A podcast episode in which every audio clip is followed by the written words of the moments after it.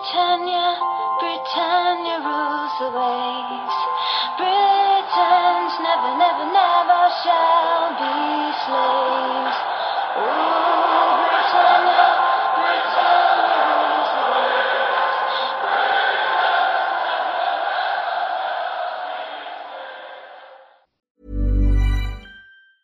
Hiring for your small business? If you're not looking for professionals on LinkedIn, you're looking in the wrong place. That's like looking for your car keys in a fish tank. LinkedIn helps you hire professionals you can't find anywhere else, even those who aren't actively searching for a new job but might be open to the perfect role. In a given month, over 70% of LinkedIn users don't even visit other leading job sites. So start looking in the right place. With LinkedIn, you can hire professionals like a professional. Post your free job on linkedin.com slash people today.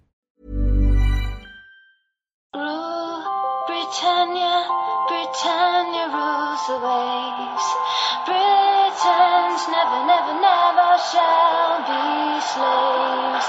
Rule Britannia, Britannia.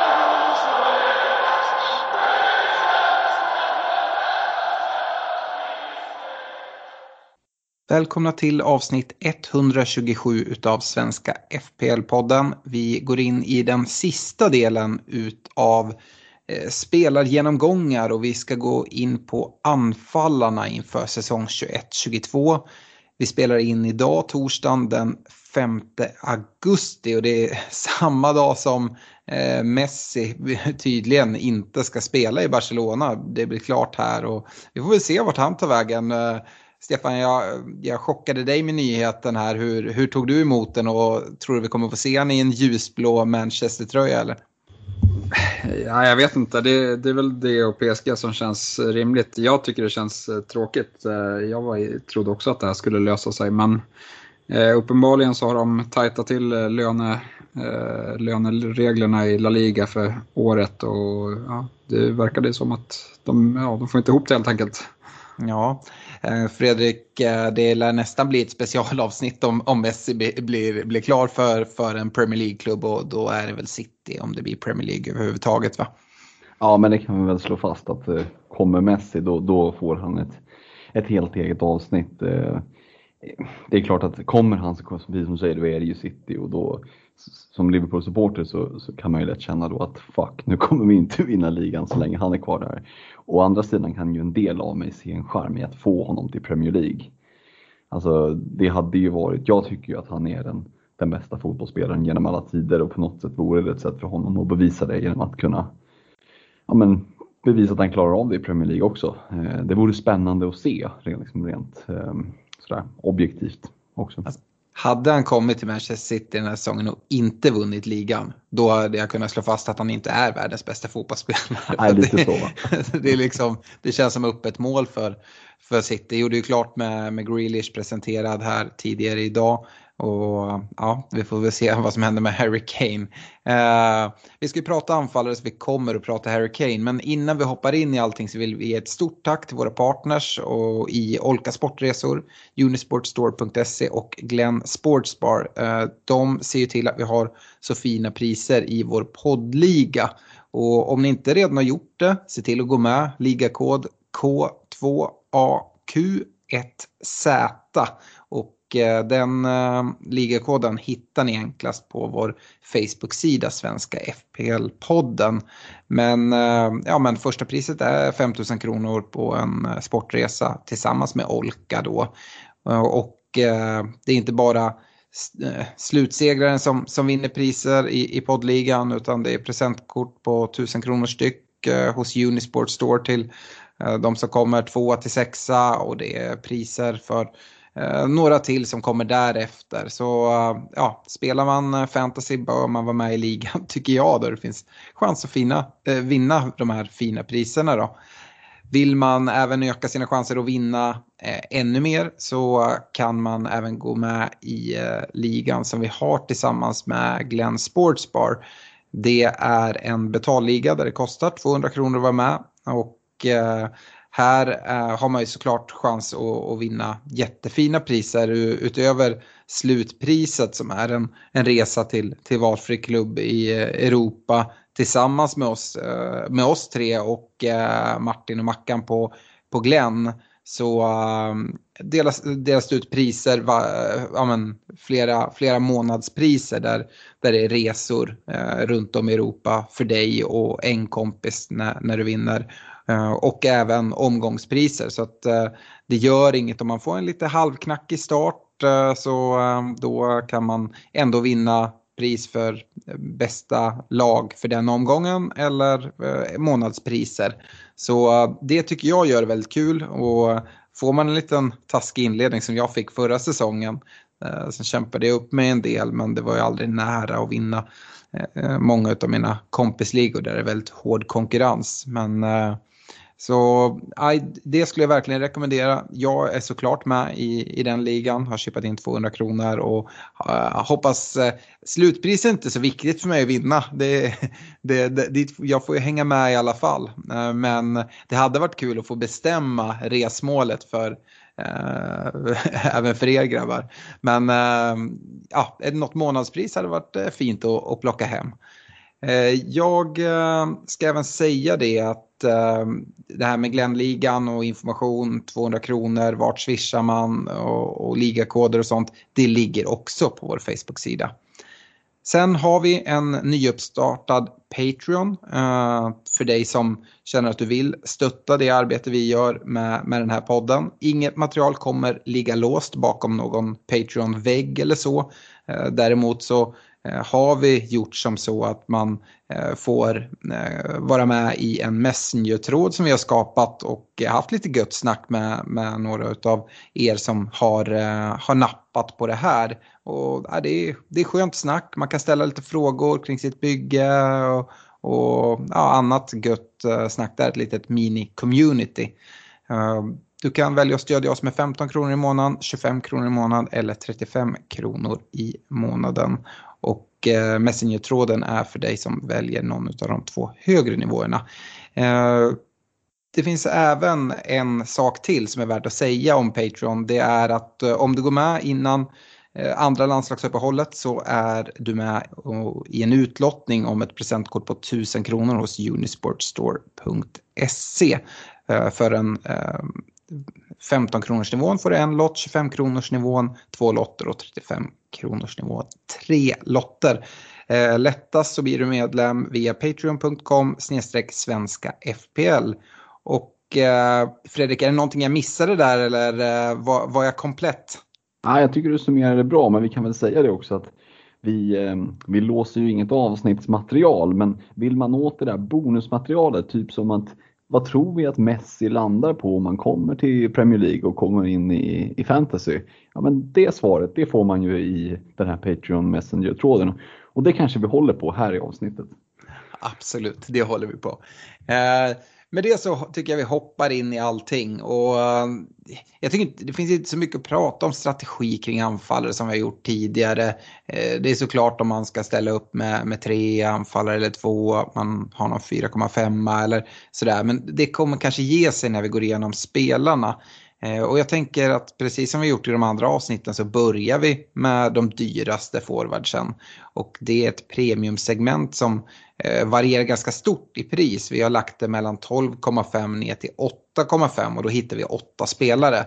Och Kane sticker ut där med, med sina 12,5 för tillfället i en Spurs-tröja. Skulle kunna bli en City-tröja innan eh, uh, transferfönstret är slut. Vad, vad säger dina känslor Stefan kring, kring Kane? Eh, kommer han stanna i Spurs och uh, är det en spelare som du kikar mot om han är kvar i, i Spurs? Eh, nej, det är det nog inte. Eh, som sagt, eh, han eh, vägrar ju träna för tillfället eh, och mycket talar väl för en transfer. Men som vi var inne på med Messi så eh, är väl en eh, rimlig destination för honom enligt mig City eller, eller PSG. Och går han till City så ser jag inte att de värvar Kane. Eh, och då är frågan, blir han kvar i Spurs eller inte? Nej, jag tycker det är för mycket osäkerhet till en inledning med, med honom. Så jag håller mig borta eh, därifrån i början i alla fall. Mm. Fredrik, eh, ser du på det på något liknande sätt och är det någonting som skulle ändras om eh, han drar på sig City-tröjan här innan deadline? Eh, ja och ja. Alltså, jag delar Stefans uppfattning just nu att Eh, med Kane i en Spurs-tröja så, så eh, finns det väldigt mycket osäkerhet. Med Kane i en City-tröja i någorlunda rimlig tid före deadline eh, Game Week 1 och vi, han ser liksom, vi ser att han tränar och ja, kanske inte hinner i bästa fall då vara med i en träningsmatch men ändå liksom, man hör pepp att ja, men Harry Kane han går ju in i vilket lag som helst. Då kommer jag ha svårt att hålla honom utanför mitt lag för att ska du slänga in honom i det där, det blir ju det kommer bli kaos. Och jag vill inte sitta utan Kane i, i Game Week 2 mot ett Norwich och han ska liksom han ska leka rövare med det där gänget, eh, då kommer jag vilja vara investerad där. Ja, han har ju lite titeltörst efter att ha varit i Spurs så länge och eh, det som jag tycker är mest givet, vi, pratar ofta om den här Pep Roulette och att han roterar mycket, men kommer Kane in ser det som en spelare då det saknas lite alternativ där fram. Att Kane kommer starta de allra flesta matcher. Dessutom med Citys ganska svaga strafffacit tror jag att Kane direkt kommer plocka åt sig de bollarna. Och jag vet inte men i ett Manchester City så gör de väl tio kassar från straffpunkten kanske. Eh, och sen så ja, plussar de på med lite assist och, och mål i öppet spel och sådär. Så att eh, ja, eh, Harry, Harry Kane i en City-tröja har jag svårt att ignorera. I Spurs så delar jag dock er uppfattning. I alla fall här till en start. Det är möjligt att man kommer äga honom någon del av säsongen. Det håller jag inte alls som, som omöjligt även om han är kvar i Spurs. Um, kikar man neråt får man hoppa direkt ner eh, uh, 2 miljoner i pris för att, att, komma till den näst dyraste forwarden och det är en, en Jamie Vardy i Leicester som ja, men, alltid levererar säsong efter säsong. Men han blir inte yngre och det har kommit in lite mer konkurrens i, i Leicester. Uh, hur, hur ser du på en, på en Jamie Vardy, Fredrik? Ja, men det är som du säger, det är ju en ständig leverans men uh jag vet inte, den här säsongen, eller i alla fall liksom inför den här säsongen, känns det så oerhört liksom viktigt vilka premiums du går på och där får nog Vardy ställa sig ganska långt bak i kön. Det blir ingen liksom, VIP-kö för honom. Eh, och de som går på honom kan säkert casha in poäng men för 10,5, alltså vi, vi var inne på det i mittfältsavsnittet att ja, men sån på 10,0 är svår att klämma in. Jag skulle säga att eh, till och med Jong Son står före i den där ganska så långa kön faktiskt. Mm.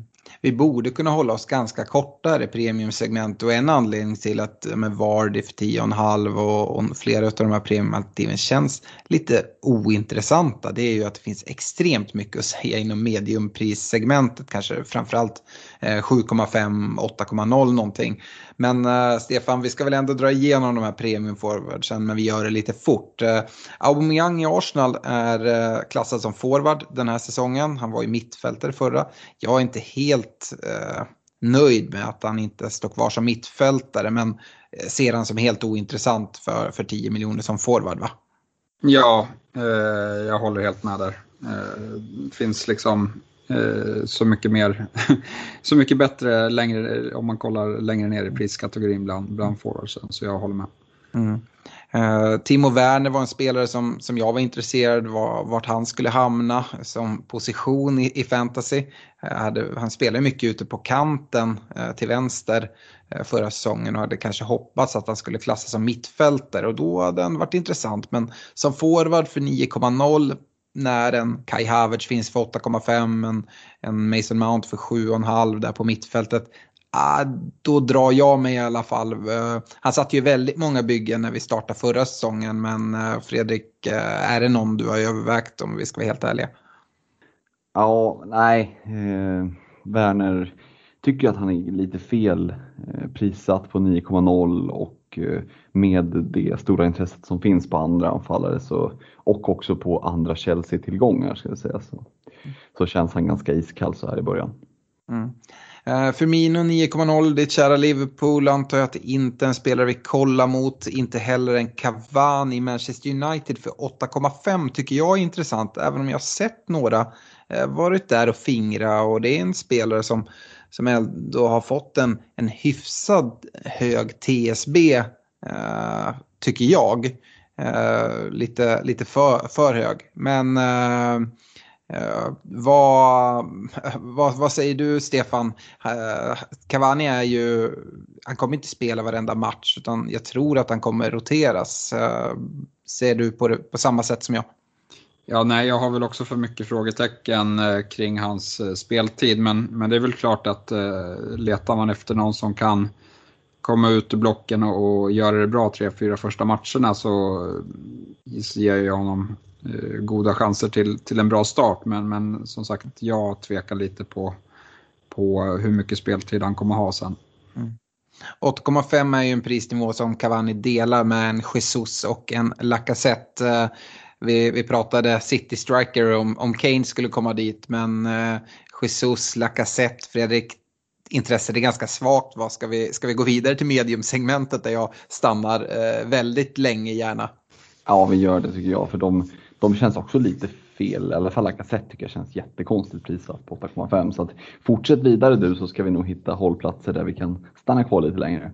Ja, och då kommer vi till mediumsegmentet och här finns det mycket att säga. Eh, vi har valt att, klassa in 8,0 till 6,5 men som jag nämnde innan så 8,0 och 7,5 är intressant och blev kanske än mer intressant nu här eh, tidigare i veckan veckan då det blev klart att en eh, Danny Ings lämnar Southampton från ingenstans. Jag hade inte hört ett enda rykte om det och eh, är klar för Aston Villa som då förstärker nu när, när Graylish eh, försvinner. Och Ja, Ings är prisad 8,0 men det påverkar även en spelare prisad 7,5 i Watkins som är den anfallare som har högst ägarandel just nu. Det finns väl en viss risk att Watkins kanske inte från Game Week 1, men eventuellt, men på sikt petas ut på en vänsterkant va, i ja, men Graylish gamla position. Eller hur, hur ser du på hela den här situationen, Stefan? Det finns mycket att, att prata om. Ja, nej, men Villa har ju spelat väldigt mycket, eller väldigt utpräglat 4-2-3-1 system. Eh, och nu har de två eh, forwards som man liksom mest ser som centrala forwards. Men, men om det är någon som ska flytta sig så är det ju Watkins. Eh, så det är möjligt att det kanske blir en formationsändring, eh, men, men som sagt, eh, går de vidare med, med som de har spelat och det kanske liksom framförallt Buendia-förvärvet som, som tyder på att de ska spela med någon släpande, så, så är det väl Watkins som, som får flytta på sig om någon. Ja, eh, Fredrik, hur, hur, ser du på det här? Det, det höjer väl verkligen eh, intresset kring en Danny Ings som jag annars kände var ganska svalt när jag spelade i Southampton. Jo men så är det ju. Eh, Ings känns... Eh, jag är nog inte tillräckligt modig tror jag för att plocka in honom från Game Week 1. Jag vill se att han liksom kommer in och finner sig till rätta. Eh, men Ja, vad tror vi? Jag tror att de håller, kommer hålla fast vid 4-2-3-1 och att det blir en Watkins som eventuellt får söka sig ut i kanten och, och det kanske inte är optimalt för hans del men, men jag skulle inte liksom räkna bort honom heller för att vi vet att Danny Ings är skadebenägen och eh, ofta byts ut sådär. Watkins kanske får flytta fram och så kommer det in en Traoré och så ja, är Watkins där och petar in dem. Så jag tror inte att, för mig blir inte Watkins helt ointressant bara för att eh, den här värvningen görs. Eh, men jag tror att hans TSB kommer ju att sjunka rejält. Mm.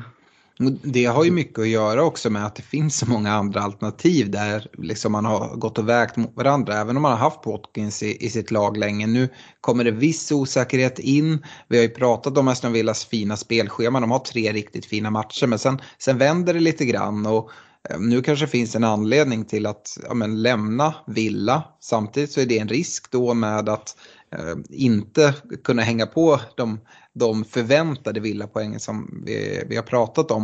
Eh, Stefan, har du haft Watkins någonting i, eh, i det, de lag och draft som, som du har suttit med och eh, hur, hur planerar du? Ska du i så fall sitta kvar med honom eller eh, ja, vad, vad, hur går tankarna?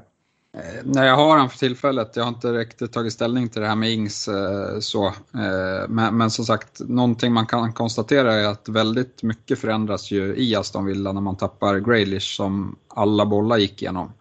Mm. Och även om liksom det på pappret har gjorts bra förvärv, vilket jag tycker att, att de verkligen har gjort, så, så ska det där liksom få sig ihop och bli ett bra lag. Och det, det vet vi inte om, om de lyckas med.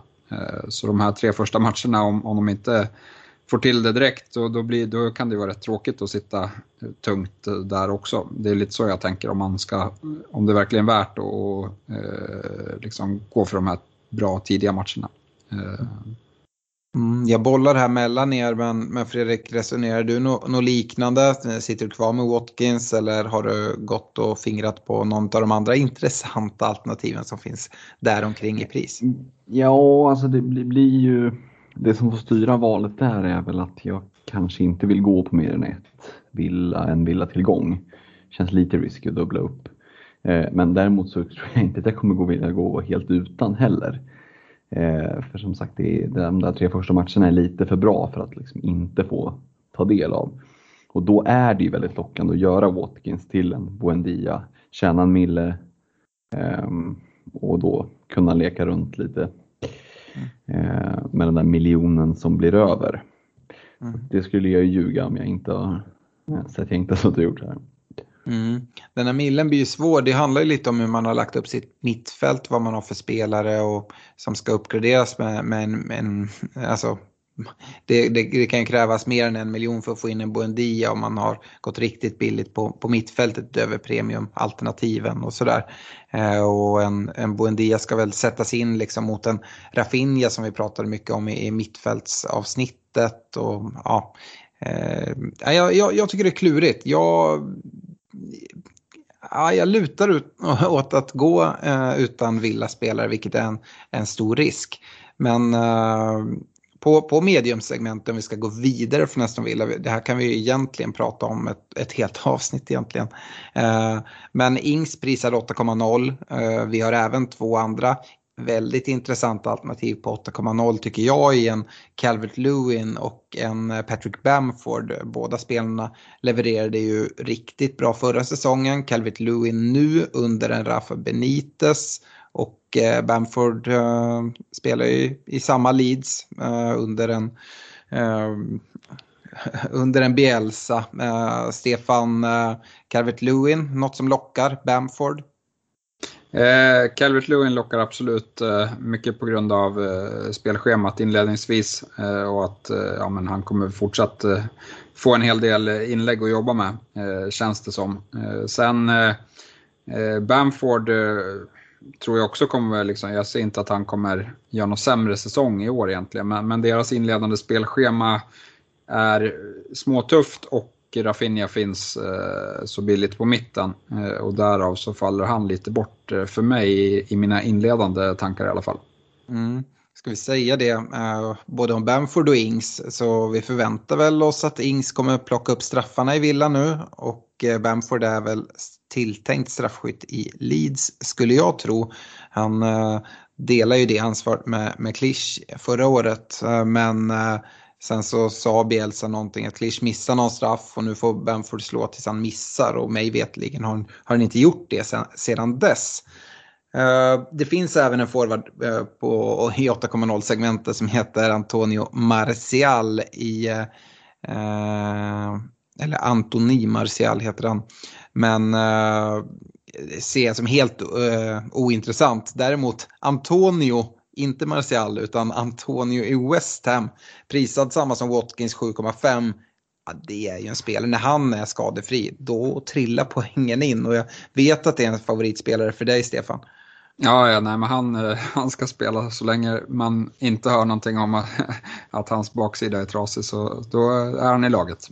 Mm, där är jag också riktigt sugen. En spelare som, eh, som jag också verkligen gillar, som jag tycker smyger lite under eh, radarn, Eh, som har en ägarandel som är till och med under en Timo Werner eller en eh, Richarlison, är en Callum Wilson i Newcastle. Jag, jag letar ju ofta de här talismanerna för sitt lag. Där har vi dessutom en straffskytt. Jag vet inte, varje gång det plingar till och Newcastle har gjort något mål, ja, men då är Wilson inblandad. Eh, Fredrik eh, Callum Wilson, eh, är det ett eh, alternativ som får dig att kittla lite? Ja, men framförallt så är det ett alternativ utifrån att det är en väldigt bra differential. De poängen är ju, om man ska vara krass, värda liksom lite mer än vad Watkins poängen är i den aspekten att cashar du in dem så är det inte alls lika många av dina konkurrenter som, som gör detsamma. Så att eh, ja, Callum Wilson är definitivt ett alternativ i det där mycket, mycket trevliga prissegmentet på 7,5. Eh, och spelschemat är inte så jäkla dåligt ändå. Även. Sen är det svårt att bedöma liksom Newcastle, de är typ aldrig, de är aldrig favoriter i en match. Sådär. Men, men, men ja, det, som du säger, han, han, gör ju det. Han är ju talismanen i det där laget och är det någon som ska göra det framåt så, så är det väl han där med lite stöd av Joe Linton. Så att Callum Wilson är en, ett bra shout. Mm. En 7,5 eh, forward som, som det råder en del oklarheter kring tycker jag ändå eh, är ju en Raúl Jiménez som eh, inte spelade mycket alls förra säsongen efter sin otäcka huvudskada. Ska vara tillbaka nu.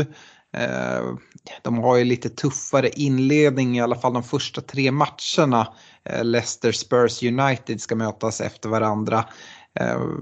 Det är väl ett ganska bra läge att wait and see på honom eller vad, vad säger du Stefan? Ja, nej det är väl ett klockrent Eh, så som jag har tänkt också att eh, han har varit borta så länge också så vi, vi vet inte riktigt vad vi får där. Nej. Eh, Richarlison är också prisad 7,5, dock varit iväg och spelat OS med, med Brasilien. Eh, där tycker jag att man håller sig borta och i så fall går man på, på hans kollega Calvert Lewin för 0,5 mer. Det, det, tycker jag eh, är eh, ganska enkelt val. Eh, I alla fall här i inledningen av säsongen. Sen så i den här prisklassen 7,5 så har vi även två Leicester Strikers. Vi har redan pratat om eh, Vardy, men Ianacho som hade en jätte jättefin eh, del av förra säsongen och nyförvärvet Daka som, som värvas från Salzburg och var en spelare som ja, men det snackades väldigt mycket om, om eh, ännu större klubbar än, än, Leicester men där Leicester lyckas eh, ja, dra längsta strået och, och, Leicester har ju varit väldigt skickliga på, på transfermarknaden och, och hitta de här guldkornen. Hur tror ni att det här ska spelas ut och eh, vi har pratat om Leicester som ett lag som kanske förbises lite. Eh, i, när man bygger sina lag. Eh, Fredrik eh, uh, Ianacho, eh, nyförvärvet Daka, eh, något som, som lockar? Ja, inte till Game Week 1. Även, ett, även om ett okej spelschema liksom gör att Leicester som lag då inte ska avskrivas så känns det ju som att för mig är det ett coin flip. Jag tror, jag är ganska säker på att Vardy startar om han är hel men, men mellan Iannaccio och Daka känns det som i princip coin flip utifrån att jag inte har någon liksom, insyn i hur, hur, de, hur, ehm, ja, men hur Rogers tänker och hur turordningen är där. Som du säger, Janacho har ju ändå en, en eh, avslutning på förra säsongen att leva på och har gjort det bra. Så att han, man kan ju tycka att han borde behöva spelas ur laget. Samtidigt så tror jag inte att Dacca valde Leicester för att sitta på bänken. Då hade han lika gärna kunnat gå till Liverpool eller någon av de andra klubbarna det snackades om. Mm. Ehm, så båda de två är nog väldigt inställda på att spela mycket, eh, tror jag. Så för mig är det liksom fram med popcornen, wait and see och sen plocka den som flyger. Mm. Eh, spelare som alltid gör det bra i fantasy tycker jag det är ju Chris Wood i Burnley. Eh, prisad 7,0. Ah, jag vet inte, mitt intresse är ganska svalt så här till en början. Eh, jag hade gärna sett han prisad lite billigare för att han skulle kunna blanda sig i något, något intresse. De här 7,5 forwardsen känns så pass mycket mer intressanta. Så Uh, för mig är inte Wood, uh, inte heller en tjej-Adams, även om Ings försvinner och borde få en, en viktigare roll där, inte speciellt intressanta. Utan då, som sagt, 7,5 går upp till, till dem, den kategorin, alternativt ner till den stora snackisen och Brentfords Tony. Uh, Stefan, uh, tänker du likadant kring 7,0 forwardsen och du får gärna lägga ut lite dina tankar kring en, en Tony, ny till Premier League. Ja, nej, men jag håller med om 7,0. Det känns inte alls lika hett som, som 7,5 eh, forwardsen. Och sen gällande Tony, han uppenbarligen jättebra facit från, från, eh, från Championship och liksom en riktig talisman för, för Brentford. Eh, han, han var väl inblandad i liksom över 40 av deras deras runt 80 mål de gjorde förra säsongen. Så, så väldigt hög eh, eh och liksom, Eh, goal involvement där. Eh, lite lik Wilson i det eh, hänseendet. Och sen är ju liksom matcherna, jag tycker att ja, men, första matchen kanske inte är guld men, men samtidigt Arsenal ska ha, ha rätt mycket förändringar i backlinjen.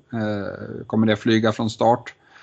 och efter den matchen så, så ser det fint ut för, för Watford. Så det blir lite så här, gör han, gör han det bra i första matchen då kommer alla springa efter honom. och, och eh, ja, blir det två liksom, blanks från honom i början, ja, men då kommer man sitta med ett problem där istället. Eh, så så det, det, är en väldigt, eh, ja, jag tror att det kan gå lite hur som. Mm. Ja, du, du sa Watford, jag ska skjuta in det i Brentford, och det, det vet ju du också. Eh. Men eh, det, är, eh, det är en sån där spelare som, som du säger, det kan, det kan gå hur som helst. Han ligger som den näst mest ägda spelaren just nu. Jag tror priset har en del till det att göra. Watkins är ehm, en knapp procent före honom men jag tror att Watkins eh, kommer sjunka lite så vem vet, det kan vara så att Tony går in som den mest ägda eh, forwarden när, när spelet drar igång. Han gjorde, som du var inne på, 31 mål och 10 assist på 45 matcher i, i Championship vilket är riktigt, riktigt bra. Gjorde dessutom två kassar på tre kvalmatcher upp till, till Premier League när de, när de kvalade upp. Så att, eh, det är jättespännande spelare men som du säger, är det så att det liksom, han inte lyckas hitta målet här de inledande matcherna kan det bli lite flykt från honom och eh, pris som sjunker och då ska man börja jaga spelare och behöver få ihop ännu mer pengar för att kunna liksom, gå uppåt i pris. Eh, Fredrik eh, Tony, hur, eh, hur tänker du kring honom? Ja, alltså det är svårt att, att inte tänka med den enorma TSBn eh, för en helt ny oprövad spelare. Och visst, eh, ni rabblar ju bra statistik här men det är ju Championship och det är ju en annan, jag ska inte säga planet, en annan galax egentligen mot tempot sen i Premier League. Och jag är väl inte lika exalterad över Brentfords spelschema. Tycker att det är Alltså Arsenal hemma tycker jag en, alltså Arsenal är ett betydligt bättre lag. Palace borta, ja visst det kanske ska ses som den, som den riktigt bra matchen då. Villa borta kan bli tufft. Eh, Brighton hemma, ja grattis det är en bra match. Men sen är det Wolves borta, Liverpool hemma, Western borta, Chelsea. Ah, jag vet inte, jag är inte jätteförtjust i Brentfords spelschema. Eh, så att eh, för min del känns han, ah, jag kommer inte att starta med honom, det är jag rätt säker på. Eh, är det så att han tok flyger och gör liksom en jävla, han borde bli en Mitchu från någon Liksom de gamla goda dagarna, men då får man väl kliva in där. Men då kommer det finnas 7,5 anfallare och växla ner till, till honom. Ja, jag ser väl mer den här liksom likheten i en eh, Timo, Timo Pukki när han kom upp och flög direkt i starten. Vi har mm. sett det förut, anfallare som har gjort det bra i Championship som kommer upp och i alla fall till en början utav eh, Premier League-säsongen bara, bara öser på. Um, ja, jag, jag, tycker han är ganska, ganska spännande ändå. Men eh, det är precis som Stefan framförallt var inne på, en eh, spelare med, med hög risk. För att man ska ta sig ifrån honom där om det börjar säljas, om man inte Eh, ser, själv ser tendenser och, och vill sitta kvar med honom. Och kollar man 6,5 segmentet, ja men då blir det direkt att man jämför med de här 7,5orna ändå. Eh, vi har en Mopey i Brighton, Benteke i Palace, Rodrigo i Leeds, Saint Maximin som faktiskt av någon anledning klassas som forwards den, den här gången. Uh, ja, Stefan, lockar något av de andra 6,5 alternativen dig speciellt mycket? Nej, inte jättemycket så här på, på förhand. Eh, gör det inte. Nej, och då ska man ju kolla neråt och då får vi faktiskt kliva ner i det vi kallar för budgetsegmentet, alltså 6,0 till 4,5 och här är det svårt vilka, att hitta vilka som är värda att nämna. Eh, går man igenom det prismässigt, börja 6,0, ja, vi nämnde Mopay, det finns en eh, Danny Welbeck i Brighton, 6,0, Joel Linton i Newcastle, en Timo Pukki i, i Norwich, men där vet vi hur det spelschemat ser ut i början. Um, ja, eh, Fredrik 6,0, hittar du någon forward där som, som kan locka om det är så att man börjar med Tony och sen ska kliva ner något? Ah, på 6,0 är det, där är det tufft. Mm. Vi gled ju förbi 6,5 där med, med en Abraham som har ryktats ganska mycket bort från Chelsea och klart skulle han få en ny klubbadress kanske Southampton eh, och kliva in där som en första striker. Vi vet ju att han gjorde det ganska bra ett tag i Chelsea där. Eh, då skulle ju han kunna bli intressant. Nu blir det väldigt mycket om och sådär men att Southampton kommer att värva en anfallare det, det kan vi väl eh, slå fast att det kommer de ju väl att göra. Det räcker inte att vara Shea Adams liksom. Ehm, så att, ehm, och det är väl samma sak i en Divock Origi i Liverpool har de ju klubben nu gått ut och sagt att får vi det vi begär så, så lämnar han. Han kostar 5,0.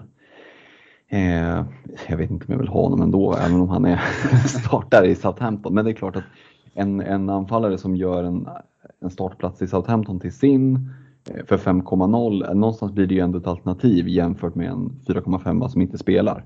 Mm. Eh, så att de två håller jag ett extra öga på för de har ändå bevisat någon form av, av kvalisort tidigare i karriären och det är klart att det finns en, en väldigt tydlig öppen plats i ett Southampton-anfall.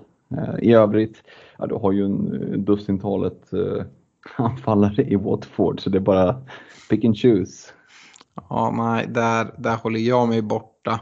Eh, i, I Burnley hittade jag utöver Chris Wood, eh, Ashley Barnes, en Vydra och en Rodriguez prisad 5,5 men ah, jag kliver inte in där. Stefan, när vi kollar de här liksom, anfallarna 6,0 och ned, neråt i det här budgetsegmentet, är det någon som du känner att du vill lyfta lite extra? Nej, egentligen inte. Jag tror, man kan plocka så många man, man känner att man ska starta med från, från något lite dyrare. Det är, väl, det är väl min spontana känsla. Sen är det en fråga med Tony för att eh, ja, vi har ju sett som du sa också tidigare, Bamford kanske är lite av ett undantag. Mm. Då han spelade i Leeds, men han gjorde det bra. Watkins kom direkt från Championship till Aston Villa, gjorde det väldigt bra. Eh, så nej, de, de här eh, Championship strikersarna som har varit bra där har ju faktiskt lyckats eh, rätt bra i Premier League också när de har kommit upp. Eh, och, Tony ja, men slår ju alla dem på fingrarna när det kommer till stats. Så att, eh, det ska bli intressant att se. Mm. Eh, jag tycker det är värt att säga, det finns en hel del som tänker att men jag kommer i alla fall inte spela min tredje forwards och gå på en 4,5. Den mest, det finns fyra stycken 4,5 i spelet, två av dem från just Watford som, som Fredrik var inne på, de har en eh, hel drös forwards. Eh, men eh, den som är mest ägd på en TSB på hela 8,0 är en Davis Aston Villa. Och där går väl min varningsflagg lite grann. För det skulle kunna vara så att man vill ha eh, fler Villa-spelare som, där han liksom täcker plats. Eh, så hade jag gått på 4,5 hade jag snarare gått på en Obafemi i Southampton. Eh, 4,5 för där ser jag mig inte sitta med tre spelare. Och även då om Ings lämnar så förväntar jag mig kanske inte så mycket speltid ändå för Obafemi. Men ja, det, ju, det, skadar ju inte att Ings har försvunnit så får vi se vad, vad det eventuellt värvas in. Um, delar ni min uppfattning där om vi börjar med dig Fredrik? Mm, ja men så är det ju. Eh, och det, är, det är en bra, liksom, bra eh, poäng att inte trycka upp. För det är som sagt villa, villaplatser kan det ju bli så att eh, får de en flygande start, tar tre vinster och sen så börjar de plocka storlagen en efter en. Eh, ja men då kan vi ha ett Aston Villa i serieledning efter en fem omgångar och då kommer det vara Villa hybris. Mm. Då ska det in med Bailey och Buendia och Ings och, och Watkins och du, problemet är att du kan inte få in allihopa och då sitta med liksom en Davis och liksom, uh, inte riktigt mm. veta vilket håll man ska vrida sig åt. Det, där vill man inte hamna. Uh, så, så är det. Uh, men vi kan väl summera det egentligen på anfallssidan att vi, ingen av oss är jätteintresserade av premiumspelarna, eh, inte heller budgetspelarna utan eh, däremot finns det ja, men, väldigt gott om alternativ uh, och en del frågor man bör ställa sig på, på 7,5, 6,5, 8,0 nivån. Min fråga då innan vi avslutar, vi har pratat mycket prispunkter när vi kollar på andra Eh, andra segment, att man vill kanske ha någon premiumspelare, någon budget så att man liksom lätt kan röra sig. Här finns det ju andra spelare som man lätt kan röra sig till. Men om man inte till exempel har varit eh, alltså någon, eh, någon spara person och sparat pengar på banken så kan det ju vara svårt att switcha till en spelare som har gjort det bra när din spelare kanske inte har gjort det bra och du vill växla en 7,5 till en annan 7,5. Hur eh, har du resonerat någonting kring det här Stefan eller liksom, till exempel att starta med en eh, Watkins, Wilson och en Antonio där alla är prisade 7,5 och, och liksom resonemang kring, kring någonting sånt? Nej men en tanke är väl att det är inte helt dumt att ha typ 500 000 på banken från början. Eh, bara för att inte få panik eh, med, med transfers. Eh, det är lätt hänt i början annars att man bara börjar, börjar byta för, för värdeökningarnas skull. Det är, lätt, eller det, är, det är jobbigt när man ser, jag vet att jag har varit i läget förra året när typ ja, men över halva mitt lag skulle tappa i värde och liksom det stressade mig till ett wildcard. Men, men sitter man där med lite buffert så kanske det är lite lättare att, att stå emot där. Mm. Uh, ja, Fredrik, du har ju tidigare sagt att du inte är så sugen att, att spara pengar på banken. Är det någonting du har ändrat dig kring? Att uh, du ändå vill göra det? Eller hur resonerar du kring det här att sitta med ett gäng spelare i exakt samma priskategori? Mm, ja, nej, men jag är fortfarande inne på att investera hela, hela hundringen.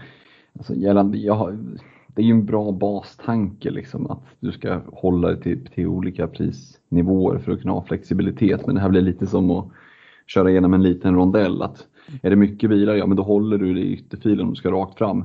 Är det du som är den enda inom liksom överskådlig syn, ja men då kan du tjuva lite på innebanan. Och, och så är det lite här känns det som att du, du kan plocka tre 7,5 och du kan fortfarande känna att ja, det finns liksom andra 7,5 jag skulle vilja ha. Så att just det här fallet är jag liksom inte orolig för att ligga på tre stycken anfallare i samma eh, prispunkt. Liksom. Så det, jag känner mig rätt trygg med det ändå. Det är ju om en Kane går till City efter deadline. Ja, då sitter man ju där och då är frågan, ska man vänta då till ett wildcard för att plocka in honom eller ska man börja liksom rotera med två byten? Eh, det, det är väl det liksom potentiella bekymret jag kan se. Å andra sidan finns det ju ingen placeholder för, för en Harry Kane. Även om du har en Jamie Vardy eh, så är ju inte han en placeholder, han är fortfarande två miljoner billigare. Så att, ja, då ska du ha Kane från början men det är man inte supersugen kanske på att ha. Ehm, så att jag får nog liksom, känslan just nu i alla fall är att man får ta sina chanser med, med kanske att gå utan Kane i början och sen så kan det vara så att man, det kan komma ett tidigt wildcard om om han kliver över till City efter eh, deadline Game Week 1. Ja. Det, ja det, bru det, brukar vara relativt enkelt att, att liksom hitta 0,5 någonstans i sitt lag när säsongen väl har dragit igång också eh, genom att göra två byten. Så att eh, liksom, man behöver ju inte sitta med pengar på banken heller. Nej, men det skadar heller inte. Om man sitter helt okej okay, nöjd så behöver man inte bara bara se till att förbruka dem heller. Eh, jag sitter faktiskt med 0,5 i mitt bygge just nu men eh, ja, vi får, vi får se vad som händer här fram till, till eh, fredag den 13 då allting drar igång. Det känns, eh, känns jobbigt att det ska börja fredag den 13 men nej, jag är inte så nojig kring, kring eh, sån skrock eh, det som är kul med, med, med Kane och, och, City det är ju att Spurs och City möts i, i Game Week 1. Det kan ju mycket väl vara så att han, han spelar i Spurs-tröjan då men att han eh, vid, vid slutet av månaden eh, har dragit på sig ljusblått.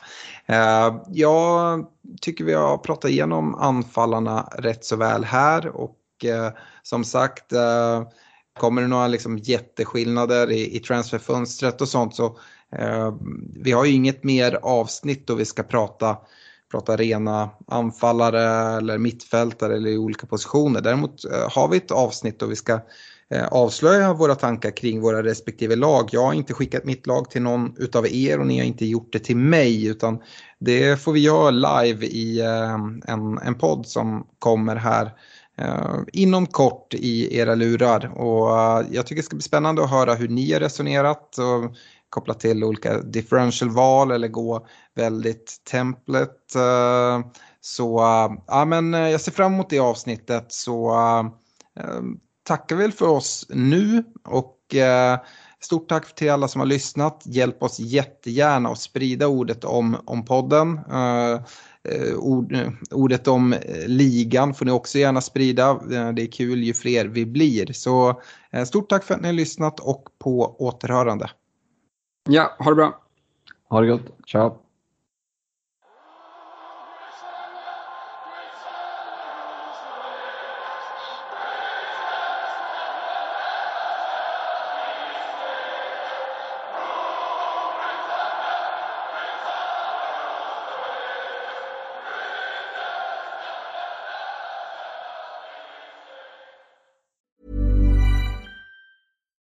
Deserves the best, and there's no better place to shop for Mother's Day than Whole Foods Market. They're your destination for unbeatable savings, from premium gifts to show-stopping flowers and irresistible desserts. Start by saving 33% with Prime on all body care and candles. Then get a 15-stem bunch of tulips for just $9.99 each with Prime. Round out Mom's menu with festive rosé, irresistible berry chantilly cake, and more special treats. Come celebrate Mother's Day at Whole Foods Market.